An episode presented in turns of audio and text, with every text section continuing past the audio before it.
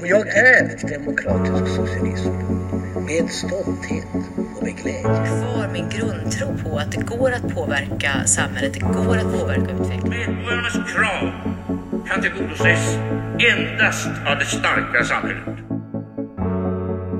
Hej Erika! Hej hej!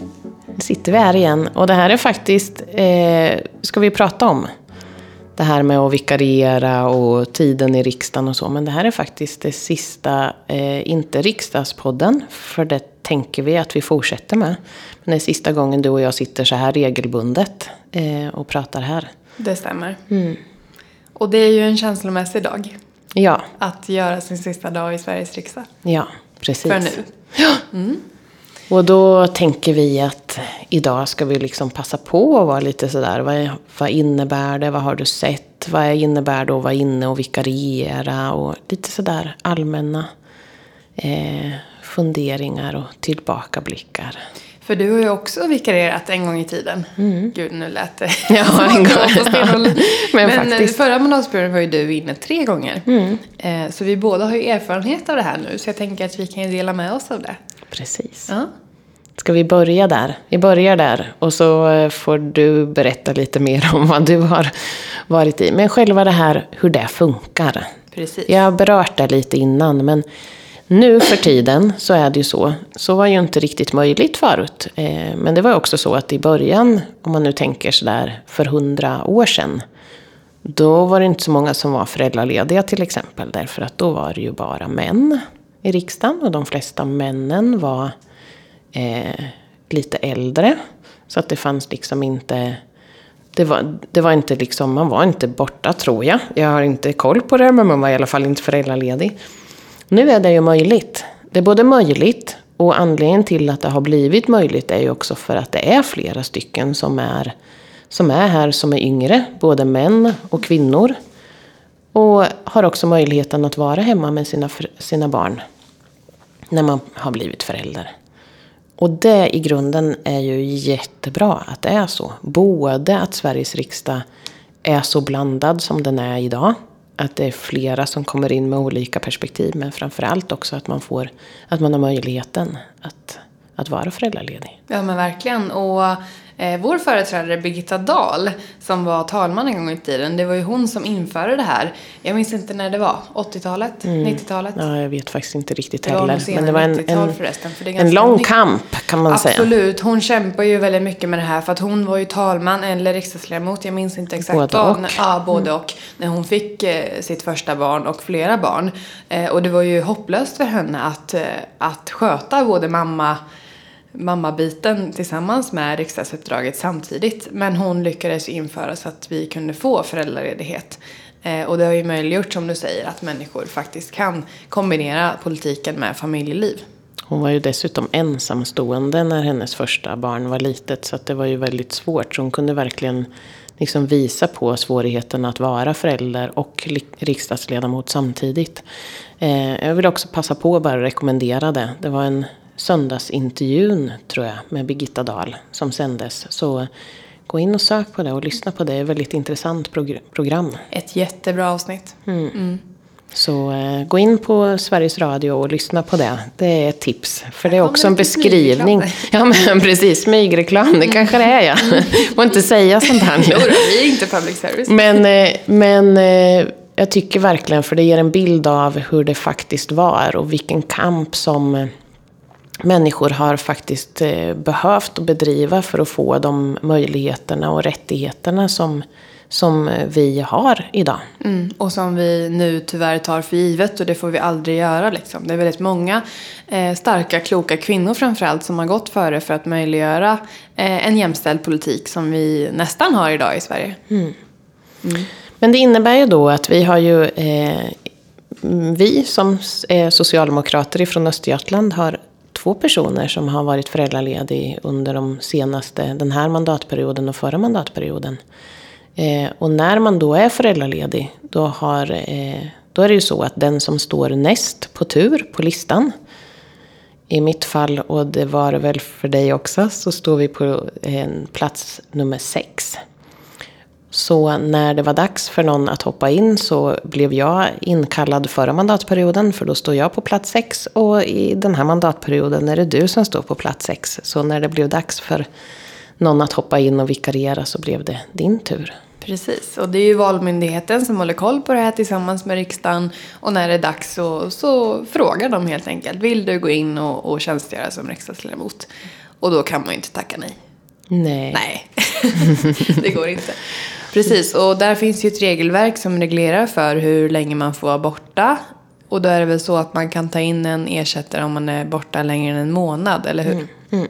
Precis, och Teresa då som jag har tjänstgjort för har ju nu varit borta i nio månader på sin föräldraledighet. Men hon kommer ju tillbaka här nästa vecka. Precis. Så det är ändå en ganska lång tid. Men du var väl inne lite olika tidsperioder? Lite olika tider. Två gånger fyra månader säger jag. Fyra månader på varje och sen en gång nio månader som, som du för Teresa. Just det. Ja, det är en fantastisk möjlighet. Men jag tror också att många inte riktigt förstår det där med att vikariera. För att eh, många tänker nog på eh, att det är som ett lärarvik. För det har jag fått frågan eh, så här, vadå, vadå vickar du som riksdagsledamot? Hoppar du in när någon är sjuk eller?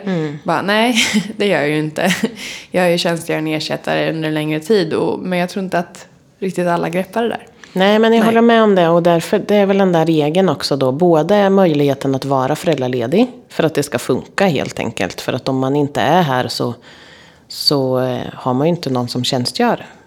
Men, eh, men också det där som du säger att det måste vara mer än en månad. Så, eh, så det går inte att hoppa in bara lite grann eller så. Utan det är minst en månad som man kan begära tjänstledigt. Heter Ja. det kanske. Föräldraledigt. Föräldraledigt. ja. Exakt. Eh, och det är just för att vi ska kunna fylla den platsen. För att varje ledamot behöver ju vara här eh, och rösta i voteringar och att tjänstgöra på utskottsmöten. Eh, bland annat. Så vi behöver ju verkligen få in någon ersättare då. Det blir ju tufft om vi inte får det. Och då när man kommer hit så kommer man in och så får man eh, den personens plats i utskottet. Det utskottet som den har. Eh, man eh, Plats i kammaren. plats i kammaren. Så du sitter på, har suttit på Teresas plats här nu under de här månaderna. Du får eh, också flytta in, ta den lägenheten. För det är ju precis som vi har pratat om förut. Det är ju inte våra lägenheter som vi har. Utan bara när vi tjänstgör, när vi är här. Så då är det också så att då blir ju den ledig inom citationstecken när Teresa är föräldraledig. Och då får du ta över den när du är här och vikarierar för henne. Precis. Så allt det där och, Och- arbetsrum. Och arbetsrum. Där kommer det. Så det blir verkligen så här stand-in. Eh, så det innebär ju också att man kan inte välja utskott eller så, utan man, man går in och, och tjänstgör i det utskottet där den som är föräldraledig Precis, sitter. och det är ju ett lotteri kan man säga. Det beror ju helt på vem man, vem man vikarierar för. Eh, så, för du fick ju tjänstgöra både i socialförsäkring och civilutskottet förra mandatperioden. Eh, och jag har nu gjort det i socialförsäkring. Eh, så det är ju blandat, det hänger ju på vem, vem det är som är frånvarande helt enkelt. Mm, så är det. Men det var ju också roligt tycker jag. Det kanske inte är säkert att det hade varit det som jag hade önskat. Nu vet man ju inte. Det har vi pratat om en annan gång hur man väljer utskott. Men jag tycker också att det var väldigt roligt, bo, alltså båda de där utskotten, att få, få komma in och, och lära sig så mycket om ett, ett område som jag till viss del kunde och till viss del inte kunde. För att som till exempel civilutskottet är ju ganska blandat. Det är många olika frågor där i. Men det är det ju också i socialförsäkring. Men, men just det där att kunna hoppa in, det var roligt. Ja, ja men verkligen. Och för mig har det varit så att jag har ju aldrig, verkligen aldrig någonsin jobbat med de frågor som jag jobbar med just nu tidigare i mitt liv. Eh, och inte heller personligt, alltså privat har jag heller aldrig utnyttjat någon av de förmåner som socialförsäkringen innebär heller. Så jag hade ju på ett personligt plan dålig koll på vad det innebär. Men också eh, i ett politiskt eh, plan inte heller koll på vad det innebär riktigt. Så jag har ju lärt mig otroligt mycket från grunden. Jag kände ju att jag gick igång på de där frågorna som man hade. Eh, eh, och att det var roligt. Men det måste ju inte alltid vara så. Men har du, känner du att du... Tycker du att pensionerna, är det roligt? Eller det är har du... jättekul. Nej men jag känner mig helt frälst och ur ett socialdemokratiskt perspektiv så är ju pensioner superviktigt också. Det är det väl för alla partier men, men eftersom att vi har den här tron på ett starkt välfärdssamhälle med väldigt, väldigt bra arbetsmarknad och arbetsvillkor och det är ju sånt som speglar pensionen. Och det där har jag aldrig riktigt tänkt på förut att pensionen är en spegelbild av hur varje individs arbetsliv har sett ut. Och ju bättre arbetsvillkor och löner och förmåner som vi tillför till arbetsmarknaden desto bättre blir ju pensionen i slutändan. Jag har ju lärt mig så extremt mycket om hur hela systemet fungerar som jag aldrig någonsin visste innan. Och jag tror inte heller, jag har sagt det många gånger, men jag tror inte heller att folk i min ålder eh, vet någonting om pensioner heller. Och pensioner är inte någonting som man lär sig i skolan eller diskuterar på fritiden. Om man inte har ett alldeles eget särintresse i det. Eh, så ja, jag har blivit eh, ganska frälst i de här frågorna. Och jag hoppas att jag kan arbeta vidare med dem på något sätt nu i framtiden, även om jag inte tjänstgör i riksdagen. Och du har en kunskap som du också kan sprida. Precis, och det är ju inte bara så att jag har läst böcker och pluggat in på pappret hur allt funkar. Jag har också träffat pensionärer, jag har träffat PRO, jag har träffat Pensionsmyndigheten och så vidare. Och det har jag också gjort med de andra frågorna i utskottet. Man har träffat Försäkringskassan, eh, man har träffat Migrationsverket och så vidare. Eh, så det finns ju mycket mer kunskap än bara det här teoretiska på pappret. Vi har också fått se verkligheten och träffat människor som berörs av vårt politikområde. Och det är ju det som ger mest med riksdagsarbetet. Mm, verkligen. Mm. Det är ju roligt och som, som du säger, det är en viktig fråga för oss. Så, men, men jag tror också att vi skulle behöva en, en ökad medvetenhet om pensionsfrågorna även från de som är lite yngre.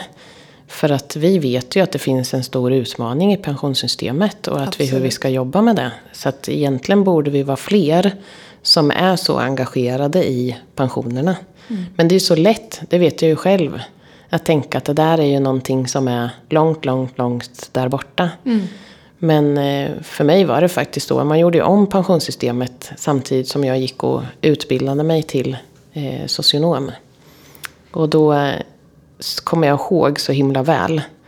Att då sa de så här att de som kommer sämst ut ur den här pensionsuppgörelsen, det var kvinnliga socionomer. Och det var ju precis det jag var. Det var yay, ja. rätt val! så då tänkte jag att nu måste jag sätta mig in i det här. Att, och då var jag kanske, jag vet inte, 23 då, som ungefär i din ålder. Så då då blev jag intresserad utifrån det perspektivet. För att jag tyckte ur ett jämställdhetsperspektiv och en massa annat att det kändes inte så, det kändes inte rätt. Eh, men sen har man ju lärt sig lite. Men jag kan ju inte alls lika mycket som du kan nu. Nej, och det är klart att man inte kan allt nu heller. Jag lär mig något nytt varje dag och det är det som är så häftigt med det här uppdraget också. Men det gäller väl att känna ödmjukhet kring att det är en väldigt, väldigt svår fråga. Och pensionssystemet, det är liksom det är ju så otroligt stort och det omfattar många tusen miljarder kronor. Man kan ju liksom inte ta på det. Eh, mm. Därför är det också svårt att greppa alla delar och hur de hänger ihop liksom. Men nu ska vi inte snöa in på pensioner. Nej, nej. nej nu ska vi inte prata om det. Nej, men du känner väl likadant med dina utskott? Att du har lärt dig jättemycket saker om, om frågor som du aldrig har oh ja. rört vid tidigare? Verkligen. Jag har med mig massor kunskaper ifrån de, de månaderna som jag var i de där utskotten. Och det tycker jag är, jag har ju verkligen nytta av det nu också. Att man har ett hum om bostadsfrågor, konsumentpolitik. Det som har legat, som har legat inom ramen för de utskott jag har varit så det har varit jättekul. Men du, vad har varit så här, vad känner du, vad har varit roligast och du får ha en sån där roligast och eventuellt jobbigast och eh, ja, vi börjar där. Ja. ja, det är så himla, det är jättesvårt att summera en så eh, lång intensiv eh, period i livet som har varit eh, något helt annorlunda än vad jag tidigare varit med om. Eh, det har varit eh, fruktansvärt jobbigt vissa stunder. Eh, väldigt, väldigt stressigt i perioder. Men sen så har det alltid varit så jävla kul. Och man blir nästan beroende av den här känslan av att få eh, göra det här. För att det är så himla stort. Ehm, det jobbigaste har varit eh, stressen inför eh, eh, svåra debatter, när man känner att man inte riktigt hänger med. Eh, och att man kanske inte riktigt har vågat be om hjälp fast man behövde det. Det har väl varit det jobbigaste. Eh, det roligaste har varit alla studiebesök runt om i, i, eh, i Sverige och i Östergötland. Eh, men också resan till Israel och Palestina Som har satt ett väldigt djupt avtryck i mig. Det har också varit extremt kul att gå upp i talarstolen. Eh, att träffa medborgare, att eh, få eh, samtal från både arga och glada medborgare. Ehm, och det har också varit väldigt, väldigt kul att få jobba med mina socialdemokratiska partikamrater i utskottsgruppen och på Östgötabänken. För att utan dem så hade inte jag klarat det här. Nej, man behöver Inklusive hjälp. dig alltså Eva, Ja, om du förstod den inte. Nej, ja, tack. Eh, ja, men det är verkligen så. Man är ju, det är väldigt viktigt vilka människor man har runt omkring sig här. För det är ju mycket att sätta sig in i och komma in i. Och som vi har pratat om, det är ju inte bara frågorna.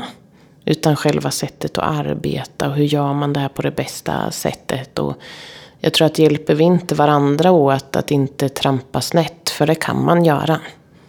Eh, då är det, ja, men det är både dumt, onödigt och på alla sätt eh, ja, ja, men det främjar ju liksom inte demokratin eller på något sätt. Så vi, vi liksom, att vara schysst och hjälpsam mot varandra här i riksdagen är, är ju både av trevlighetsskäl men framförallt för att vi ska verkligen jobba på det bästa sättet. Ja men verkligen. Och något som har varit svårt också är ju hela pusslet med kalendern. Eh, för här i riksdagen så har man, man tar ju själv ansvar för sin egna kalender. Man har de obligatoriska grejerna man måste göra, typ utskottsmöten, voteringar och debatter. Men i övrigt så fyller vi ju på kalendern själva och det är ju både livsfarligt och jättejättekul. För att då kan det ju bli så att om man ser att en vecka är tom och så får man massa inbjudningar och så lägger man in dem och så blir veckan helt plötsligt smockfull fast inte alls det var tanken. Då tycker jag att det har varit jättesvårt att lägga in rätt balanserad tid i kalendern för att faktiskt hinna med att återhämta sig och vila också. För det är ju extremt viktigt när man har ett sånt här intensivt liv, när man är borta mycket hemifrån, när man reser mycket eh, och man hela tiden måste vara uppdaterad på nyheter och man måste vara tillgänglig på telefon och man måste vårda sina relationer och gå på möten och vara påläst och ja, men ständigt vara igång liksom. Det tar ju extremt mycket energi så det tycker jag också har varit svårt att balansera almanackan helt enkelt. Ja, och styra sin tid. Ja, men det skulle jag nog också säga att det är en av de stora utmaningarna här. Som kanske är ännu mer än vad, än vad det har varit både i mina tidigare jobb och mina uppdrag. För här är det ju inte så att vi... Jag kan ju vara inte dubbelbokad utan jag vet inte hur... trippelfjär... Ja men sådär att man måste göra sina prioriteringar. Vad ska jag gå på? Vad är viktigast? Vad prioriterar jag i det som jag har blivit inbjuden till eller som jag behöver göra? Vad är, vad, vad är viktigast i det uppdraget som jag har? Och då är det ju inte bara utifrån ens uppdrag som riksdagsledamot. Man måste ju också bestämma sig lite, tycker jag personligen. Bestämma sig för vad det är, vad vill jag göra av den här tiden som jag är här? Inte bara utifrån att vara socialdemokrat och skötte och allt det vi har pratat om. För då, då, skulle, då skulle man också springa bara. Då kanske det heller inte blir eh, så bra av det. Jag måste ju också tänka, vad ska jag prioritera av allt detta? Av alla de frågorna. Eh, för även om jag bara skulle gå på sånt som har med mitt utskott att göra så skulle det också kunna bli rätt fullt så. Så att det håller jag med om och det tänker jag att det får man ju jobba med hela tiden. Och det tyckte jag nog också var svårt i början det där med prioritering. För då tänkte man att man ville vara på allt. Eh, men det är också så att det blir lite som, eh, jag vet inte vad jag ska säga, men som eh, det blir också mer och mer. För ju mer man håller på med en fråga eh, och människor vet om det så får man ju mer inbjudningar, mer förfrågningar, alltså allt sånt. Så det, det är ju inte så att det blir mindre. Jag vet inte hur du upplever det, men, men det är ju min så här, ju mer man håller på med en fråga och ju mer man eh, ja, ja, men sådär, människor känner till en eller sådär, då blir det ju också mer saker. Så det blir inte lättare att prioritera. Nej. Nej. Nej, verkligen inte. Och i början av min tid här så försökte jag ändå så här ja men nu ska jag fokusera på socialförsäkringen, nu ska jag lära mig de här frågorna, nu ska jag lära mig hur man hittar i riksdagen och eh, lära känna människor här och lära mig hur riksdagsarbetet funkar. Men sen nu efter sommaren så har det mer varit så här, nu ska jag lära mig allt om allt. eh, och eh, då har jag gjort mycket mer blandade saker och då fastnat i massa frågor som jag inte heller har jobbat med tidigare. Ja, men, och, och det här är ju också en plats där man kan få utrymme för andra frågor. För att det finns nätverk, det finns eh, lunchseminarier, frukostseminarier, det finns föreläsningar, det finns miniutbildningar. Alltså, man sugs ju upp väldigt lätt i de här frågorna. Och det gör man ju som politiskt engagerad oavsett vart man verkar. Man behöver inte sitta i riksdagen för att få ett intresse för andra politiska frågor där man brinner för mest. Utan det kan ju komma när som helst. Det är också svårt att balansera. Mm, mm, precis. Och då är nog en, precis, och då behöver man kanske så bestämma sig för. Eh, och då säger jag inte det för att jag är bäst på det. Utan jag tänker bara att det är så här, hålla en linje. Ja, verkligen. Mm. Det här är det jag vill uträtta under de här åren eller de här månaderna Ja, man och är för mig här. har det varit så att jag har ju verkligen försökt maxa den här tiden också för att jag inte ska gå hem på söndag och känna men gud jag har inte gjort någonting. Mm. För det har varit min farhåga. Men jag kan verkligen säga att så är inte fallet. Mm. Det är eh, över förväntan vad jag har fått göra. Mm. Ja. Det är ju bra. ja, verkligen. Men finns det någon sån här aha-upplevelse som du har blivit helt, inte vet jag, chockad av? Eller? Varje dag. Nej, jag skojar. Um, ja, en aha-upplevelse är väl hur jäkla mycket eh, pappersarbete som ligger bakom politiken vi sysslar med. Eh, just det här att eh, allt förarbete inför ett utskott som eh, de olika kanslierna i riksdagen jobbar med. Allt pappersarbete kring lagstiftning och departementens arbete och ja, men hur jäkla många tjänstemän och hur många politiker och hur många andra människor som är involverade i det politiska arbetet är ju väldigt svårt att förstå innan man har varit här inne och sett alla de här människorna. Ehm, det är väl en, en ganska stor aha-upplevelse om hur, hur väldigt stor institution det här är att stifta lagar. Ja, men det tänker jag nog också att jag... Jag har nog inte tänkt på hur mycket, eh, hur mycket administrativt det är. Och hur mycket... Alltså sådär. Det, det vet man ju på sig. Det är ju mycket att läsa i kommunpolitiken också när man har så här. Men, men det är väldigt mycket underlag. Ja, Eh, och det är väl också på tal om det där att prioritera sin tid. Att prioritera och avsätta tid för inläsning, eh, ringa alla samtal och svara på alla mejl. som man får- Alltså just det där. Eh, för det tar mycket tid. Och som Precis. sagt, vi har ju ingen som gör det åt oss. Utan Nej. det är ju vi själva som... som ja men verkligen. Och där kan man nog lätt hamna i, i stressfällan också om man inte eh, tar tid till det som du säger. Mm. Är det något du skulle vilja ändra på? Något som du har tänkt så här, varför håller de på så här? Eller?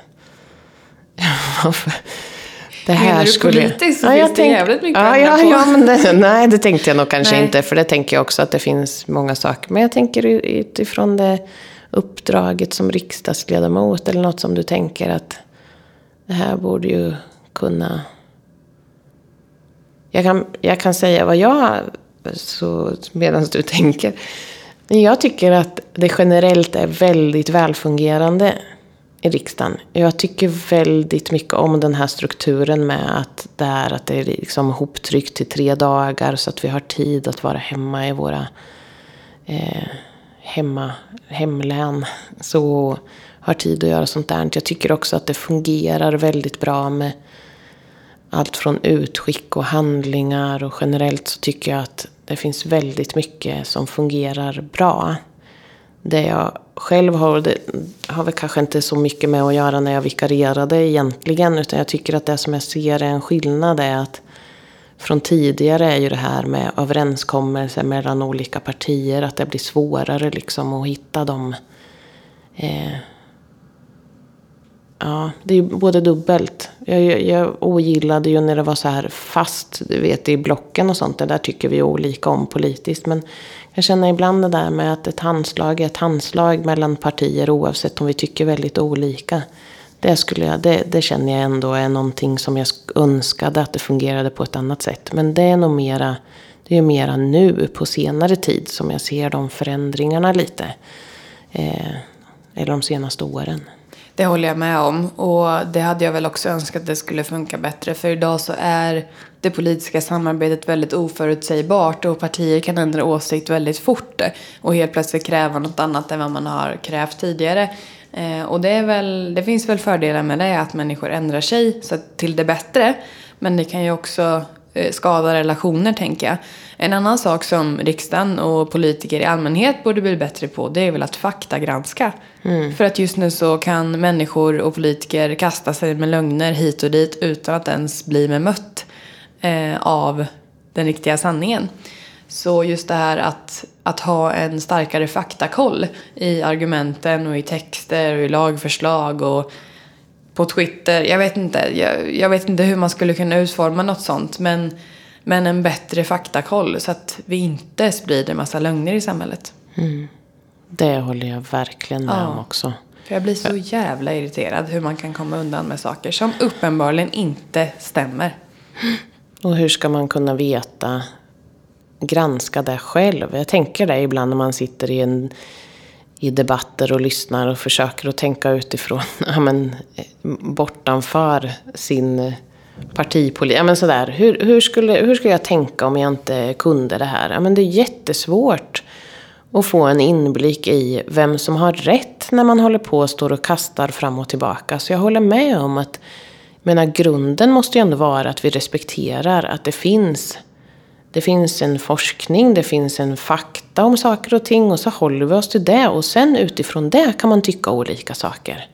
Men nu är det, ja det, det, det känner jag mig frustrerad över. Ja, det är ju något slags syndrom av vår tid som vi, i den här tidsepoken som vi lever i just nu. Och man ser ju också hur andra politiker i andra delar av världen, Donald Trump, mm, mm. gör detta till en stor grej hela tiden och kommer undan med det. Mm. Eh, och jag tycker att det är skrämmande. Mm. För är det någonting vi borde vara överens om så är det ju verklighetsbilden och sanningar. Mm. Verkligen. Men något annat tänker du? Förutom det där, finns det något annat eller tänker du att det är... Jag kan inte komma på något Nej. just nu. Det är många tankar ja. som snurrar en sån här ja. ja. Men det funkar ganska bra? Ja, men det tycker jag. Ja. Absolut. Det är ju en fantastisk administration som jobbar här. Man kan få hjälp med allt. Vi har ju en utredningstjänst som man kan använda. Jag har inte mm. gjort det tyvärr. Men eh, den kan man använda för att ta fram underlag om man ska driva en fråga. Det finns eh, otroligt eh, trevlig personal här som är hjälpsamma. Eh, och folk i allmänhet är väldigt trevliga i det här huset. Och det tror jag att vi alla ska vara väldigt tacksamma för. Mm, det gör att det fungerar bra. Ja, nej, jag tycker att det har varit väldigt lite att klaga på den här tiden. Precis. Jag vill bara lyfta en grej till som jag är så himla glad över att man får göra här. Och det är ju att ta emot skolklasser. Mm. Det har varit bland det roligaste också. Eh, att få eh, möta elever och lärare och eh, visa dem runt i huset och berätta om vårt uppdrag. Och därmed bryta en hel del fördomar, för det har de, som inte stämmer. Och berätta om vad vi gör, liksom, för det finns uppenbarligen ett kunskapsgap där. Och du har tagit emot många. Väldigt många. Det är bra. Ja. Det är jättebra. Ja. Jag tycker också att det är en viktig viktigt att de kommer hit. Ja, och roligt också. Skull. Mm. Ja, precis. Och vi behöver bli lite sådär att någon kommer och ifrågasätter och ställer frågor så att man får tänka efter lite och sådär. Så mm. det, det är jättebra och det är också väldigt roligt. Ja.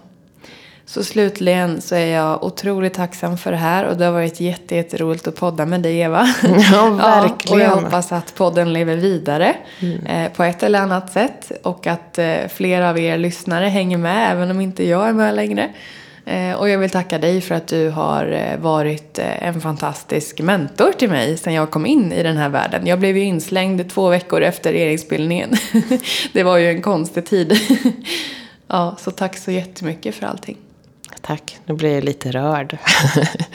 Men tack Erika, det har varit fantastiskt roligt och, och det har ju varit som en sån där, det har inte alls varit jobbigt att gå hit och podda, det är ju bara roligt. Så att eh, det känns lite konstigt. Jag tänker att jag måste gå hem och bryta ihop lite. Det är jätteroligt att Teresa är tillbaka, det har inte med Mm. liksom, eh, men jätte, alltså där bara, och så ses vi ju igen. Ja, men men jättekul att du har varit här. Ja, det har varit Så stort tack för, för poddandet och tack för att du har varit här och bedrivit eh, bra socialdemokratisk politik i riksdagen. Ja, tack själv. Och nu ska vi ner till kammaren för det är statsministerns frågestund.